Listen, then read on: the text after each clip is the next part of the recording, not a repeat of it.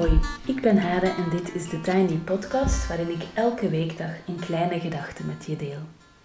Vandaag is het dinsdag 26 mei 2020 en de kleine gedachte gaat over eerlijkheid. Een paar jaar geleden had je in het ter ziele gegane Charlie magazine iets dat ik nog steeds heel erg jammer vind trouwens. Dus dat Charlie magazine ter ziele is gegaan. En daar vind ik nog wel meer dingen van dan gewoon jammer. Maar als ik daarop inga, dan uh, leidt ons dat veel te ver. Uh, alleszins had je in uh, Charlie magazine een rubriek en die heette 100 Real Days, denk ik. Want als ik het google, kan ik het niet meteen terugvinden. Ik ga dus volledig verder op mijn herinnering als ik erover vertel. Het was een uitnodiging om het ideale van de social media even achter ons te laten en de echte dingen van het leven te tonen in foto's met de hashtag 100 eh, Real Days. nou, als ik het intik op Instagram vind ik wel wat dingen terug. Anyway, ik herinner me vooral één foto en dat was een foto van een berg afwas die staat te weken in een uh, bad. Dus gewoon een lichtbad, zeg maar. En meer hoef ik denk ik niet te vertellen om het idee van die rubriek goed weer te geven en op te roepen. Gisteren had ik een kanjer van een real day. En daar ga ik iets over vertellen. Of misschien ga ik er wel alles over vertellen. Het begon met het feit dat de nieuwe gastouder, dus degene die op onze kinderen past als wij werken, dat die ziek is en dat we te horen kregen dat die getest wordt op corona, omdat ze dus ehm, symptomen heeft die lijken op corona. Naast het feit dat dat ontzettend naar is voor haar en ik me zorgen maak over onze eigen gezondheid, aangezien we natuurlijk twee weken uh, regelmatig met haar in contact zijn geweest, uh, betekent dat dat we ook terug naar af zijn met betrekking tot werktijd. Dus we zitten nu terug in de situatie um, zeg maar van de eerste coronaperiode waarin er geen of niet echt mogelijkheid was tot kinderopvang.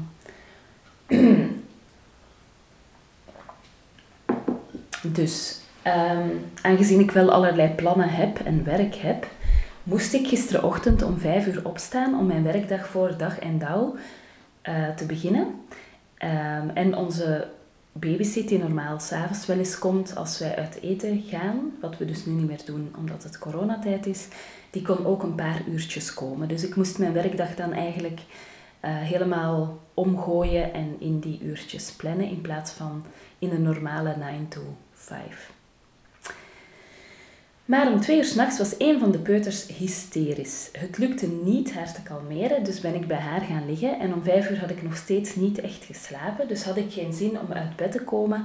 En mijn werkdag startte dan al met heel veel vertraging.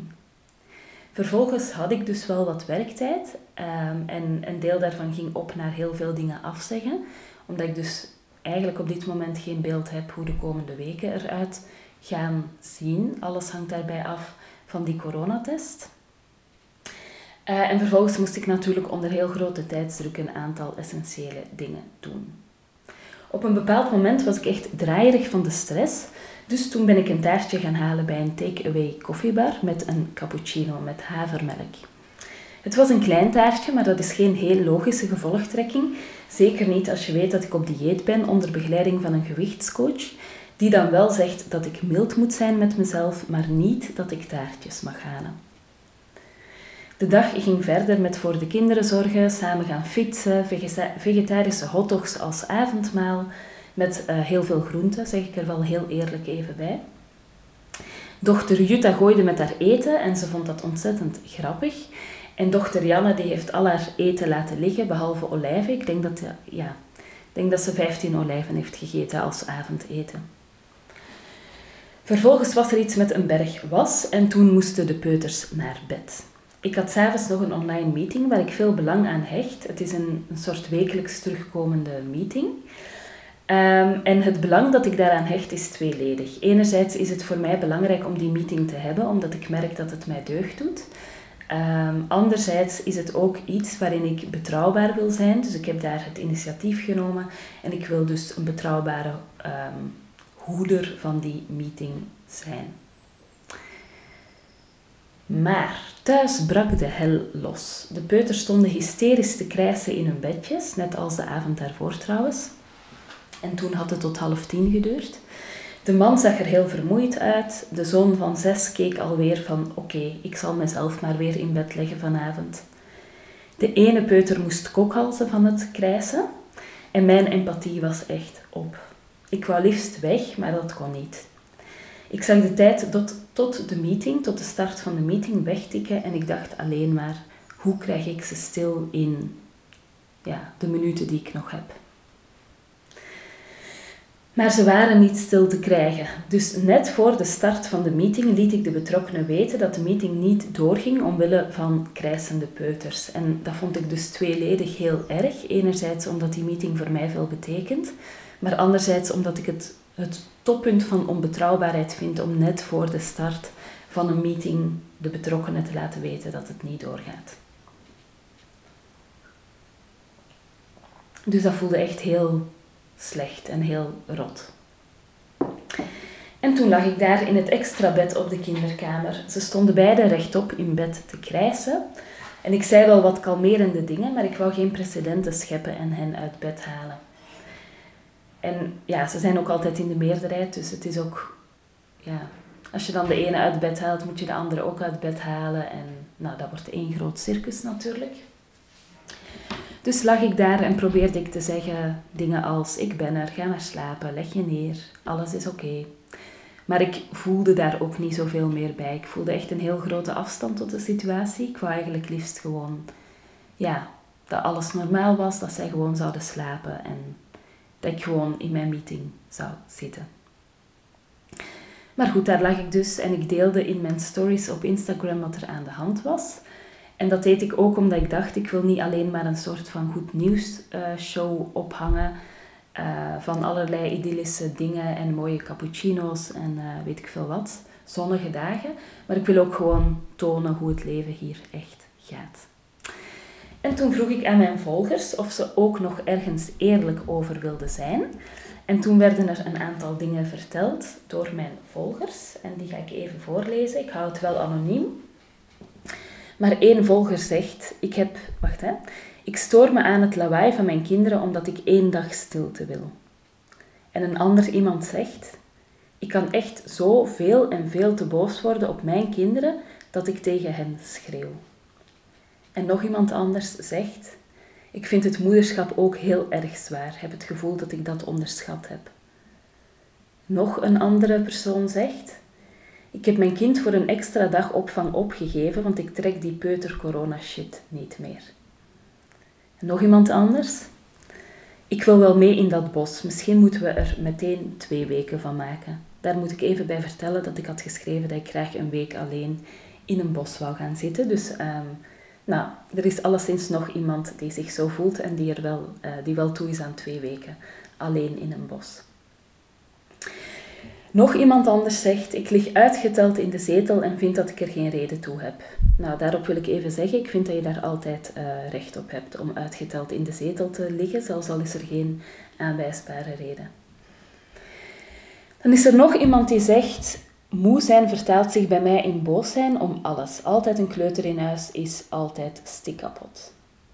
En dan is er nog iemand, dat was de eerste reageerder, maar de laatste dus in mijn lijstje, en die zegt, ik red het moederschap tot ongeveer 15 uur. Daarna is de dag eigenlijk op uitgeput.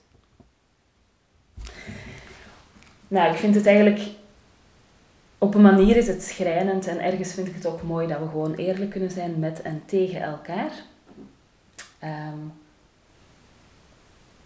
en intussen is het ochtend en schijnt de zon en ben ik alleen op mijn kantoor en heb ik weer een vrij slechte nacht gehad. Ehm, mijn man heeft wel bij de peuters geslapen vannacht. Die hebben twee uur simultaan geslapen en toen hadden ze hun krachten weer verzameld om de rest van de nacht uh, te keten. En um, daarbij wil ik ook even zeggen dat ik niet echt het idee heb dat ik een fout of dat wij hen fout hebben opgevoed, maar um, dat twee blijkbaar een moeilijke leeftijd is en ook dat ze in de meerderheid zijn en dat dat echt ontzettend uitmaakt.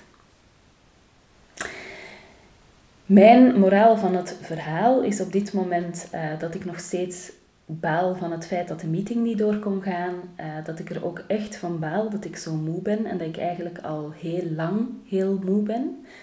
Um, ik had gisteren nog een beetje contact met een andere mama uh, die een kindje heeft van acht maanden.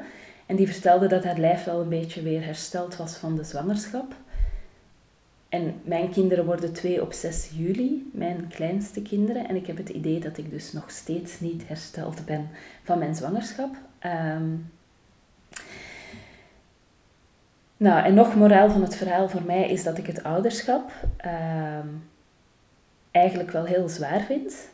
En niet alleen maar leuk en schattig en gezellig en alles wat ik in mijn leven ooit wou, zeg maar. En dat ik dat ook echt met een tweeling ja, heel intensief vind, want het is gewoon alles dubbel. Voor elke luier die je verschoont, moet je er nog een verschonen. Voor elk truitje dat je aantrekt, moet je er nog een aantrekken. Voor elke hysterische bui is er nog een hysterische bui. Dus het is gewoon echt alles maal twee. En uh, met tweelingen is het ook zo dat die elkaar versterken. Dus als de ene, het ene kind hysterisch is, dan steekt dat het andere kind aan. En dat versterkt ook weer de hysterie van het eerste kind. Dus het is een soort van uh, exponentieel gebeuren. Zo. Ik wou niet zeuren, maar ik wou wel eerlijk zijn. En ik vind het zelf altijd heel verfrissend als mensen eerlijk zijn. En ik merk dat er ook dan een soort van golf van empathie ontstaat. En dat vind ik, ja, vind ik gewoon goed en belangrijk. Over eerlijk zijn uh, in de cursus uh, eh, 30 Days of Morning Pages, die op 1 juni start, zit, uh, zitten een aantal oefeningen over eerlijk zijn met jezelf. Dat zijn leuke, maar ook wel confronterende oefeningen. Dus ik had gisteren ook aangekondigd dat er rond die cursus, de 30 Days of Morning Pages, elke dag een actie zou komen. Um, en ik heb het linkje naar de cursus in de show notes gezet. En de actie voor vandaag is dat je met de code dinsdag 10 euro korting krijgt. En dinsdag is dan met kleine lettertjes. Je kan je ook nog steeds inschrijven voor de cursus De Vrouwen van Mijn Leven. En als je dat tot en met morgen, dus woensdag, doet, krijg je een vrouwelijk cadeautje en een handgeschreven kaartje uh, thuis. Het linkje van deze cursus staat ook in de show notes. En tot zover voor vandaag. Je kan me volgen op Instagram, TheTinyPodcast. Je helpt me door deze podcast wat sterretjes te geven op iTunes, een review achter te laten en of hem door te sturen aan iemand anders die er misschien graag naar luistert. Tot morgen.